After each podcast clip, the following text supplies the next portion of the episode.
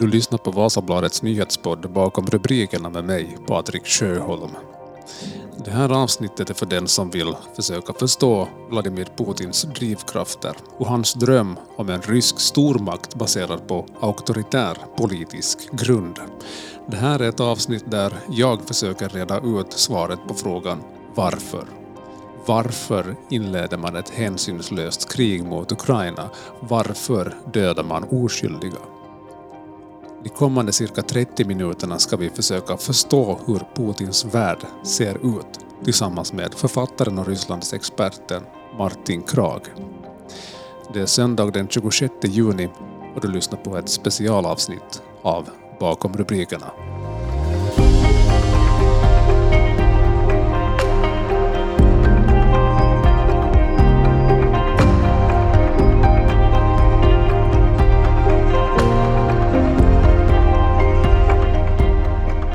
Ja, den 24 februari 2022 så anfaller Ryssland Ukraina och för de allra flesta av oss så kommer det kanske som en överraskning. Vi har visserligen följt rapporteringen om att det sker en rysk mobilisering vid Ukrainas gränser men de flesta tror väl, eller åtminstone hoppas, att det här bara ska vara ytterligare en, en slags rysk uppvisning i militär styrka. Men Ryssland går över den ukrainska gränsen och fem månader senare så rasade fortfarande hårda strider i Ukraina. Jag misstänker att de allra flesta av oss blev chockade. Men du Martin Krag, du har följt utvecklingen under en lång tid. Eh, var någonstans i historien ser du någon slags startpunkt eh, för den upptrappning som slutligen leder till anfallet den 24 februari? Ja, eh, egentligen är ju 24 februari kulminationen eh, av en eh, utveckling som pågått under lång tid. Och det är klart att man kan givetvis placera den här konflikten i kontexten av Sovjetunionens upplösning för över 30 år sedan. Eh, och, och, och de konflikter som uppstod i kölvattnet av Sovjetunionens fall, konflikter över territorium och gränser. Inte nödvändigtvis konflikter som där och då ledde till, till krig men, men som fanns där latent. Och, och, och, och, och Krimannekteringen 2014 var ju ett sådant ögonblick där många i det ryska politiska systemet som under lång tid har burit på revanschistiska tankar kom att, kom att se eh, detta som eh, ett slags eh, naturligt steg i återupprättandet av, av det riktiga Ryssland som, som inom citattecken Ryssland borde vara. Ehm, man erkänner inte Ukraina som en fullt ut självständig eller suverän stat och ehm, Putin eh, kanske inte talade så mycket i dessa termer i början av sin tid vid makten men, men sedan 2012 eh, när han kom tillbaka som president för en tredje mandatperiod.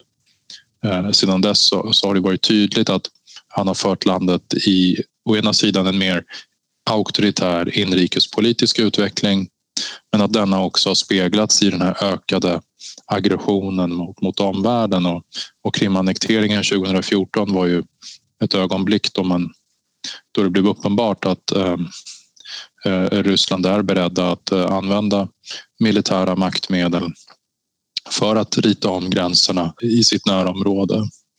Och eh, egentligen sedan dess så, så har det bara funnits två alternativ menar jag.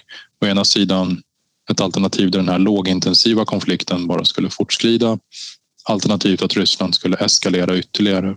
Det är liksom de två alternativ som jag har sett och jag skrev om det redan 2014 att, att det är svårt att se några andra scenarios så länge Putin är vid makten, så länge du har den här typen av politiskt styre i landet. Så att eh, när Ryssland började frambasera militär nära den ukrainska gränsen förra året och när Putin sen publicerade sin essä, sin artikel om, om eh, han, i förra sommaren då han förklarade att Ukraina inte kan existera som självständig stat. Eh, där och då så började ju jag och, flera kollegor bli, bli väldigt oroliga. Eh, och eh, när ryska utrikesdepartementet sedermera i december skickade det här brevet till USA där de då artikulerade sina, nya, sina krav på en ny europeisk säkerhetsordning. Då förstod man att klockan hade börjat ticka.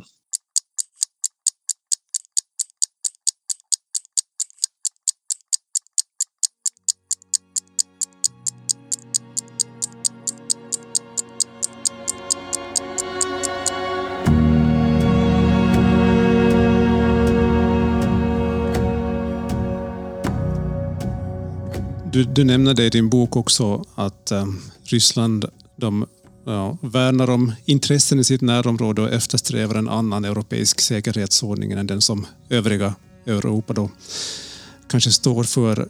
Um, hur mycket smärta det för, för Putin, fantomsmärtor av det fallna imperiet som du nämner. Mm. Uh, och, och, och varifrån härstammar den här liksom, besattheten av att försöka så ihärdigt hålla ihop spillrorna av, av det? Det är klart att vi bara kan spekulera ja kring varför han har valt att göra det här till sitt stora politiska projekt. Men han talade ju väldigt tidigt om Sovjetunionens fall som 1900-talets största geopolitiska katastrof. Vid ett annat tillfälle sa han att Sovjetunionens fall i den händelse han helst av alla skulle vilja se ogjord. Um, och um, den 12 december förra året så, så gav han en intressant intervju då han fördjupade det här och sa att för honom så representerade 1991 um, inte så mycket kommunismens försvinnande, för det var inte det han sörjde. Utan vad han sörjde var vad han menade var den här tusenåriga ryska stormakten som kollapsade. Det handlade alltså inte bara om Sovjetunionen utan en längre kontinuitet eh, av en rysk stormakt som har hetat kanske har haft olika namn genom historien men som ändå har bestått och återkommit. Och, och det, man kan ana att han eh, över tid har kommit att se sig själv som en historisk ledare med ett ansvar för att restaurera vad han betraktar som det här eh, ryska imperiet eller den ryska stormakten.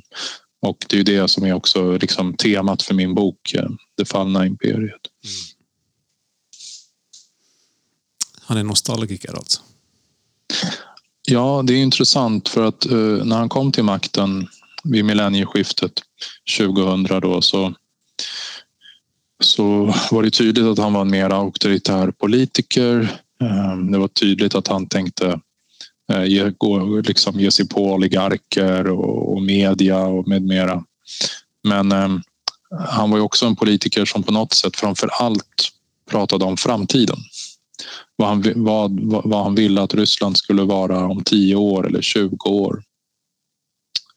Eh, sista åren så pratar han egentligen bara om det förflutna. Eh, och han återkommer gång på gång till olika historiska ämnen.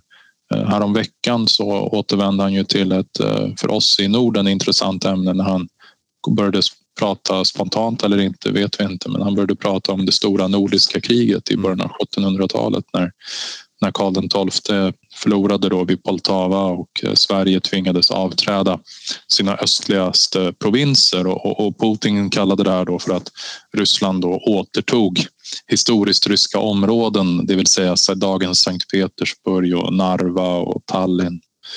Och ehm, eh, men självfallet är det så att när han pratar om historien så, så är det ju genom en slags Eh, eh djupt politiserad eh, lins och han pratar ju egentligen om nutiden givetvis. Ehm, eh, han sa ju exempelvis i samma andetag att eh, ja, precis som nu så, så vägrade övriga europeiska stater att erkänna dessa områden som ryska på 1700-talet. Ehm, det är ju inte sant. Det, det slöts ju ett fredsavtal 1720 då, då, då, Sverige erkände att det här nu är områden då man avträder de här områdena och erkänner dem som ryska och Sverige har ju sedan dess eh, haft ganska få militära försök att eh, återskapa något svenskt imperium. Eh, men, men för Putin så, var ju, så, han, han, så handlar det här om att helt enkelt bara så försöka hitta någon typ av legitimitet för den, för den ryska utrikespolitiken för att han kan inte använda några folkrättsliga argument för, för att det finns inga sådana. Mm. Det finns inte heller någon akut säkerhetspolitisk fara för Ryssland. Det finns inget grannland som har några fientliga avsikter mot Ryssland. Så han har liksom bara historien att vända sig till och han har över tid blivit mer och mer besatt av denna. Mm. Är det någonting som har hänt där under den period när han inte satt som president? Det är svårt att säga. Den perioden var ganska kort. Men, men det som hände då och som antagligen kan ha påverkat, haft en viss påverkan på hans eh, eh, eh, senare agerande var ju dels de stora protesterna i Moskva och i andra ryska städer 2011 och 2012. Det var ju de första liksom riktigt stora politiska protesterna mot Putin. Och, och det var ju kopplat till då frågorna om valfusk och, och den typen av saker. Sen så var det ju eh, den arabiska våren. Eh, och, störtandet av Gaddafi och, och syriska inbördeskriget. Eh, som ju antagligen förefall, som förefaller ha, ha satt visst avtryck hos Putin och, och, och, kanske stärkt honom i hans övertygelse om, om att också något liknande skulle kunna ske i Ryssland. Och han har ju kopplat ihop flera gånger de här protesterna i Ryssland och hans, oppositionen i Ryssland till just frågan om eh, västvärldens eh, försök att destabilisera och underminera Ryssland. Så han ser det som två sidor av samma mynt och gång på gång har han ju anklagat oppositionen för att vara femtekolonnare och nationalförrädare. Eh, och så att när Majdan-revolutionen sen bröt ut 2013 eh, och tidiga 2014 i Ukraina eh, då såg han ju det återigen som en del av det här större globala mönstret. Eh, och, han då valde att eh, agera militärt för att trycka tillbaka mot vad han då menade såg själv i alla fall som väststyrt försök att eh, genom Ukraina då attackera Ryssland. Så, så ja, de, de händelserna eh, under, under hans tid som premiärminister eh, tror jag kan ha varit viktiga och, och, och, som sagt när han kom tillbaka till makten 2012 så var det ju på en agenda som var mycket mer explicit antivästlig, eh, antiliberal och eh, i princip ultrakonservativ eller ja, djupt antiliberal i alla fall. Mm. Jag läste någon intervju med dig att en av de vanligaste frågorna som du får i intervjuer så är är Putin sjuk och vad händer om han dör? Ja. uh, och även, du, även, även, om han, han dör så är det ju inte garanterat att den eller det system som uppstår efter det är avsevärt bättre på något sätt. Nej, och frågan kan ju också möjligtvis eh, avslöja en, en mån av eh, önsketänkande att bara Putin försvinner så, så kommer situationen att förbättras. Mm. Eh, och det finns många antaganden i det resonemanget. Dels att han kommer försvinna, vilket vi inte vet med säkerhet. Att, eh, alltså, någon gång kommer han givetvis att äh, lämna detta jordeliv. Men, äh, men exakt när och hur, det, det, det, är ju, det är ju en öppen fråga. Eh, och sen så är det ju så att Ryssland är på väg nu in i en eh, förlängd eh, ekonomisk och, politisk kris. Ehm, och det innebär ju att landet blir mer oförutsägbart och förändringar kan ske plötsligt och utan förvarning. Så att man får ju vara beredd på att det kan också svänga väldigt snabbt i Ryssland. Mm. Vi kan ha långa perioder av ytlig stabilitet som sen plötsligt leder till plötsliga förlopp. Det kan man inte alls utesluta. Jag menar, Sovjetunionens fall för lite över 30 år sedan var ju ett exempel på det. Mm.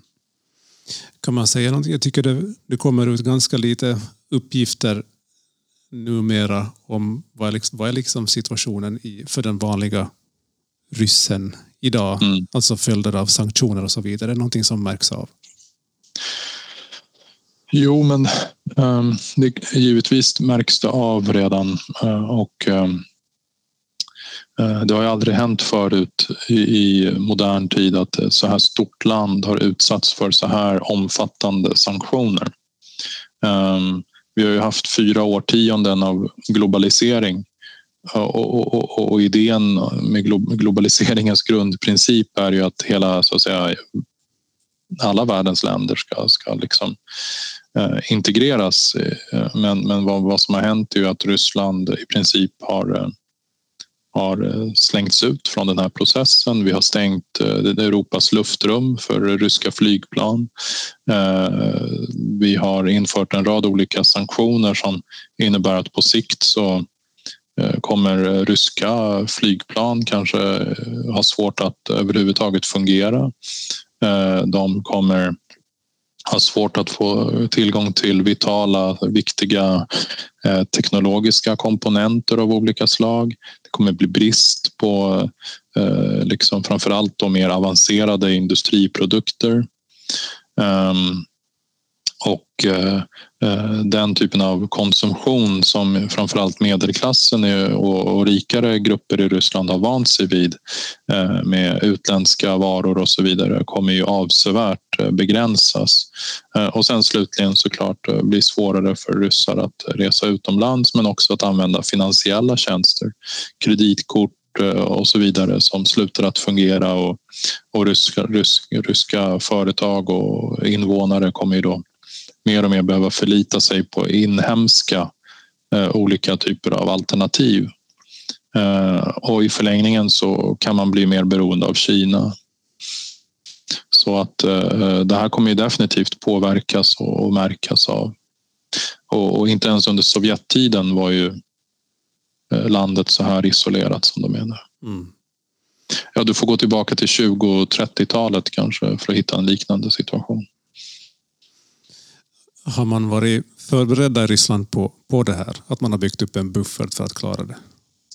I viss mån, men eh, det finns ingen buffert som kan eh, eh, balansera den här situationen utan den ryska ekonomin kommer att gå in i en långvarig kris.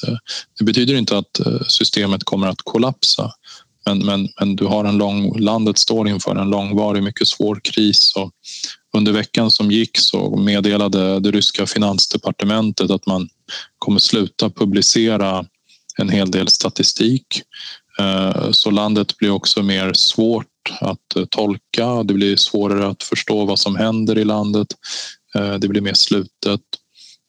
Och vi har ju nu för första gången också sedan kalla kriget en situation där vi har en konsensus i, i väst och, och, stora delar av övriga världen eh, mellan företag, det politiska systemet och, och säkerhetsbedömare eh, om att Ryssland ska mer eller mindre isoleras. Och, eh, eh det har inte heller hänt förut. Efter Krimannekteringen införde ju EU och USA och några andra länder sanktioner mot Ryssland men majoriteten av alla utländska företag stannade ju kvar.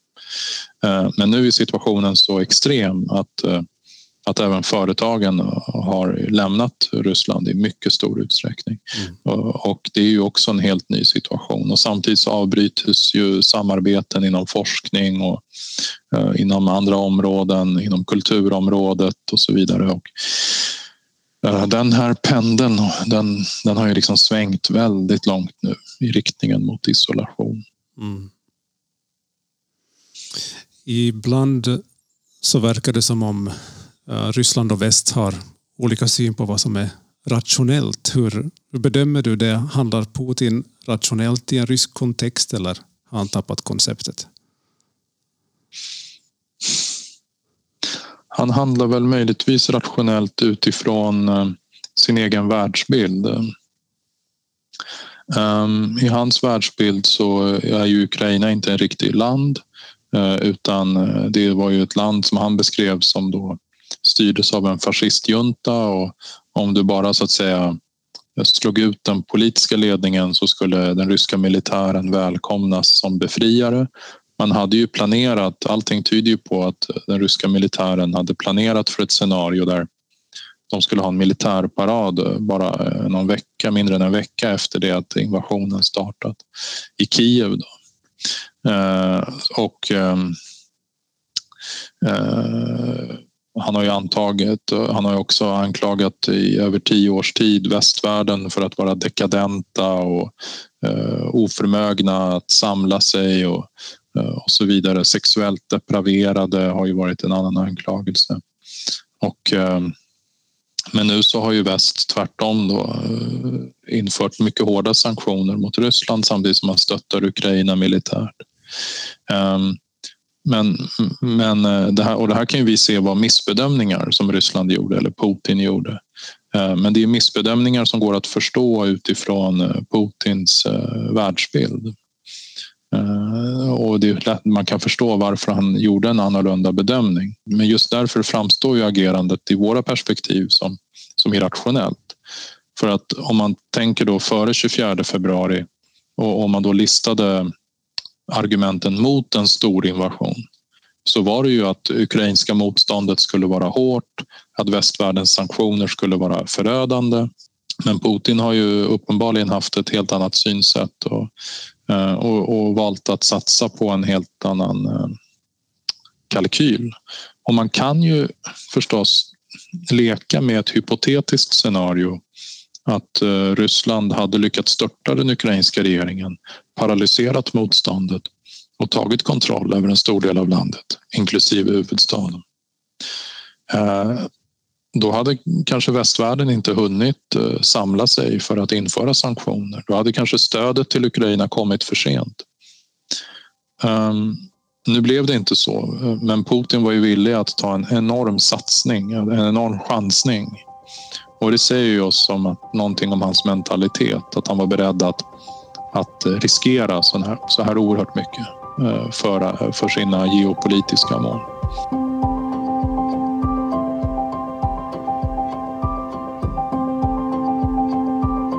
Nu mer än någonsin behöver självständiga, modiga och viktiga berättelser höras. Journalistik och pressfrihet är viktiga byggstenar i en välmående och stark demokrati. Vi här på Vasabladet vill ge dig den bästa bevakningen och rapporteringen om sånt som händer i samhället och i världen. Vasabladets nyheter hittar du i VBL-appen, nyhetssajten vasabladet.fi och via Radio Vasa. Kom också ihåg att vi finns på Facebook, Instagram och Twitter. Det är ett av de bästa sätten att stödja vårt arbete. Tack ska du ha.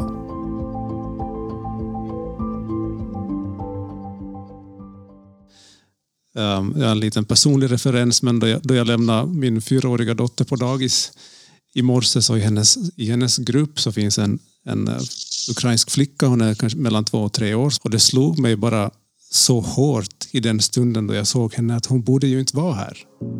Hon borde ju få vara på sitt eget dagis i Ukraina med mm. sina egna kompisar. Att vad är det som ligger bakom uh, Putin eller Kremls liksom, idé om att det inte finns något problem att anfalla ett land och sidosätta människovärden och folk som man till och med delar väldigt lång historia och språk med. Mm.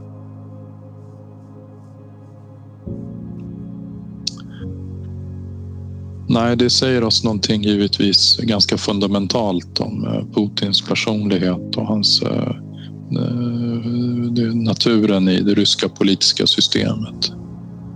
Det totala flagranta och sidosättandet av grundläggande principer om mänskliga rättigheter, anständighet och moral. Putin är fullständigt immun mot eh, alla sådana hänsyn. Och eh, man får ju en eh, antydan om detta bara genom att titta på hur han har behandlat sin egen befolkning. Vad är det för politiker, vad är det för människa som kan beordra att man använder kemiska och nukleära stridsmedel mot sina politiska motståndare? Det är ju förstås en person som saknar alla gränser rent moraliskt. Och eh, i hans huvud, i hans eh, värld så, så har ju det här eh, fungerat för att han har ju betett sig på det här sättet under en lång tid och, och han har inte blivit en paria. Han har blivit det nu. Men under lång tid så var ju västvärlden också beredd att blunda för många av de här övergreppen. Och i väst så blev vi i viss mån också medskyldiga just för att vi inte alla gånger eh, reagerade med tillräckligt starka motmedel mot det som var på gång att ske. Vilka tankar har du om att man både då i Europa och i Ryssland har haft ett slags ja, Janus ansikte så länge att eh, Ryssland tål inte västs värderingar och ser sig alltid påtrampad. Samtidigt som du nämner i din bok också ju som skickat sina barn till elitskolor i Storbritannien och köpt fastigheter mm. i Italien och Frankrike, placerat pengar i skatteparadis. EU fördömer med sanktioner som ändå inte biter för att man är beroende av den ryska oljan och, och gasen också. Att är, är, är den här dubbelmoralens tid förbi nu? I, I hög grad är den förbi.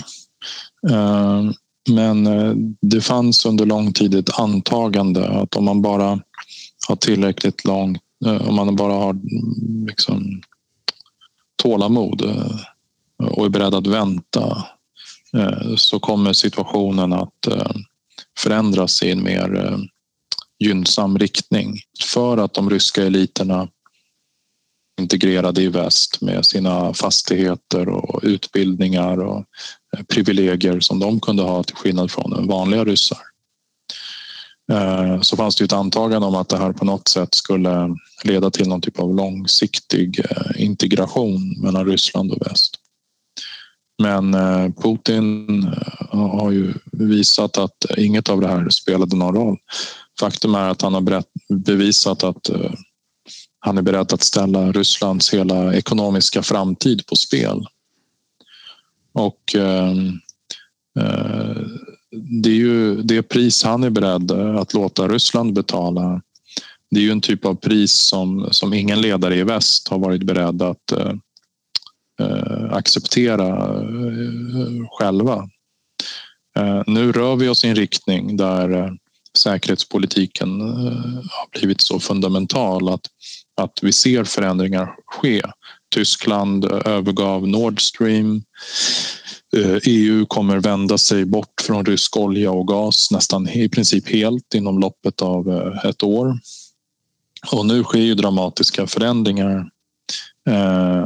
Men under lång tid så har ju västerländska investeringar och intäkter från rysk olja och gas givetvis bidragit till att bygga upp eh, Rysslands militära förmåga.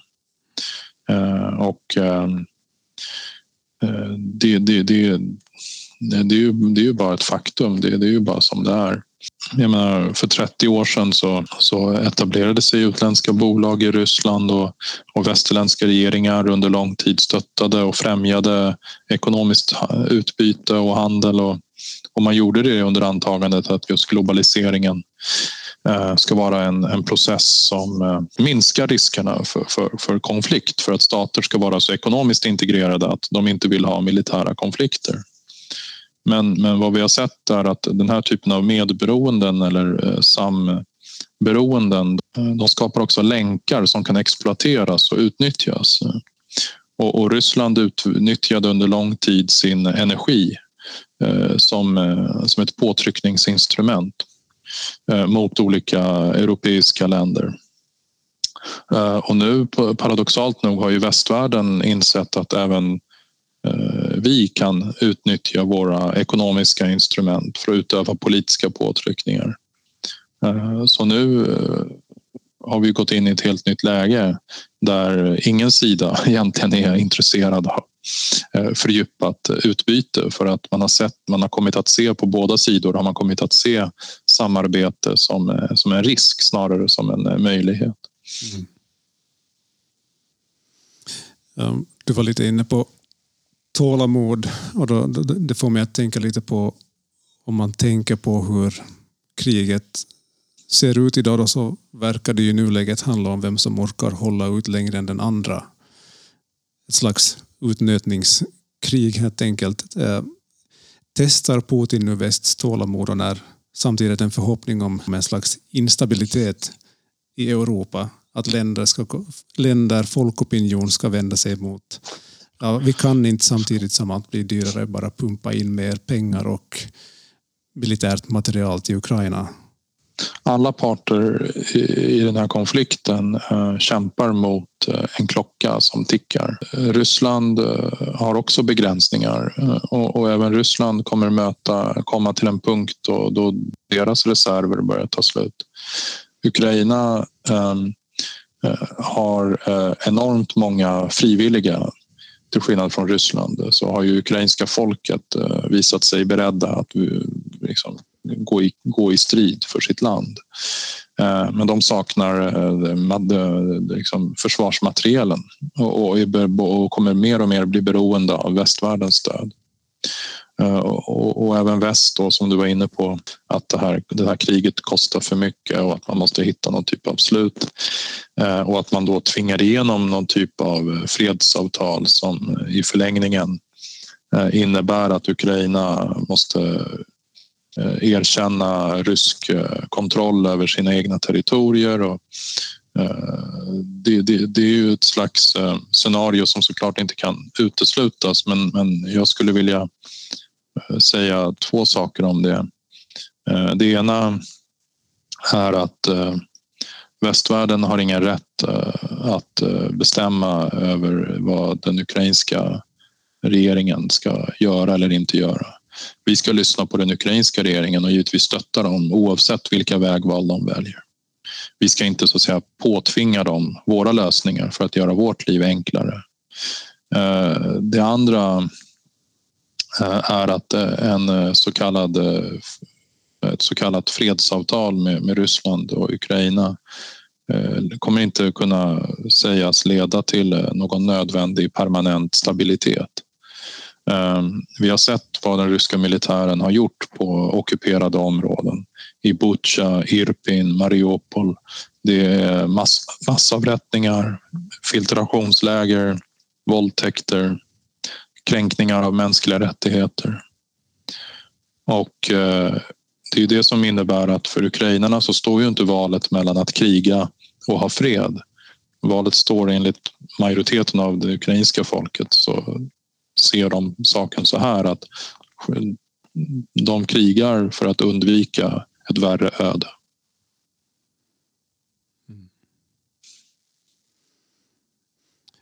Beaktat den eh, historia som, som finns mellan Ukraina och Ryssland.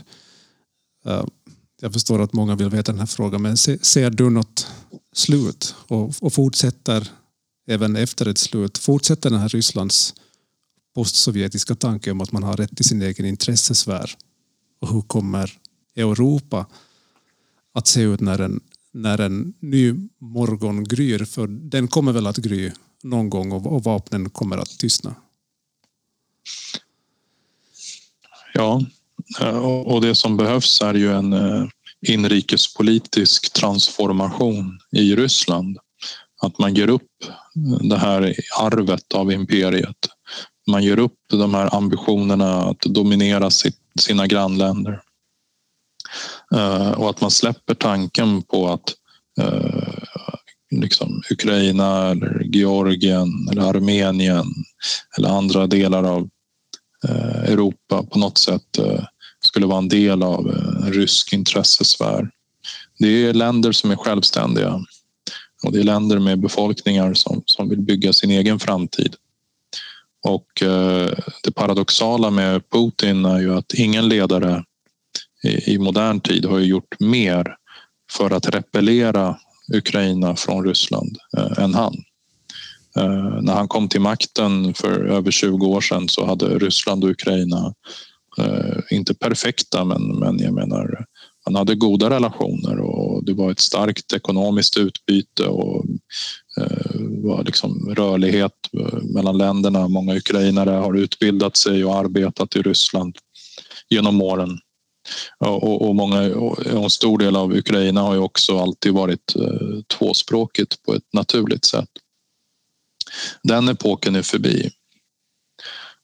Och den epoken kommer aldrig att återvända. Så genom, och det här är ju den som är, det här är liksom en, en, en, en av de här just idéerna med, som jag också driver i min bok att alla försök historiskt att eh, restaurera fallna imperier, de, de leder oundvikligen bara till eh, nya kriser och, och nya konflikter. Och Putin, han må ju vara eh, väldigt intresserad av att skriva om historien och att prata om historien. Men faktum är att han, han är en väldigt dålig historiestudent. Och han har dragit fel lärdomar av historien. Han skriver den, på sin, tolkar den på sitt eget sätt. Ja, och det eh, med tragiska konsekvenser. Mm. Tack. Ja, men tack så mycket. Du har lyssnat på nyhetspodden Bakom rubrikerna, en podcast från Vasabladet. För intervjuer, klipp och produktion står jag, Patrik Sjöholm. Nu har du som lyssnare och inte prenumerant möjlighet att prova på Vasabladet för en månad för endast en euro. Det ger dig tillgång till allt innehåll på nyhetssajt och i VBL-appen. Allt du behöver göra är att söka dig till vbl.fi podd. Och kom också ihåg att du kan följa och lyssna på podden på Spotify, på Apple Podcaster eller på Vasabladets lyssnarsajt. Men som sagt, in och följ så missar du inte heller när det kommer nya avsnitt. Och om jag inte helt har räknat fel, vilket jag hoppas jag inte har gjort, så borde det vara bakom rubrikernas hundrade avsnitt på torsdag den 30 juni. Så håll ögon och öron öppna. Mer om det nästa vecka. Vi hörs.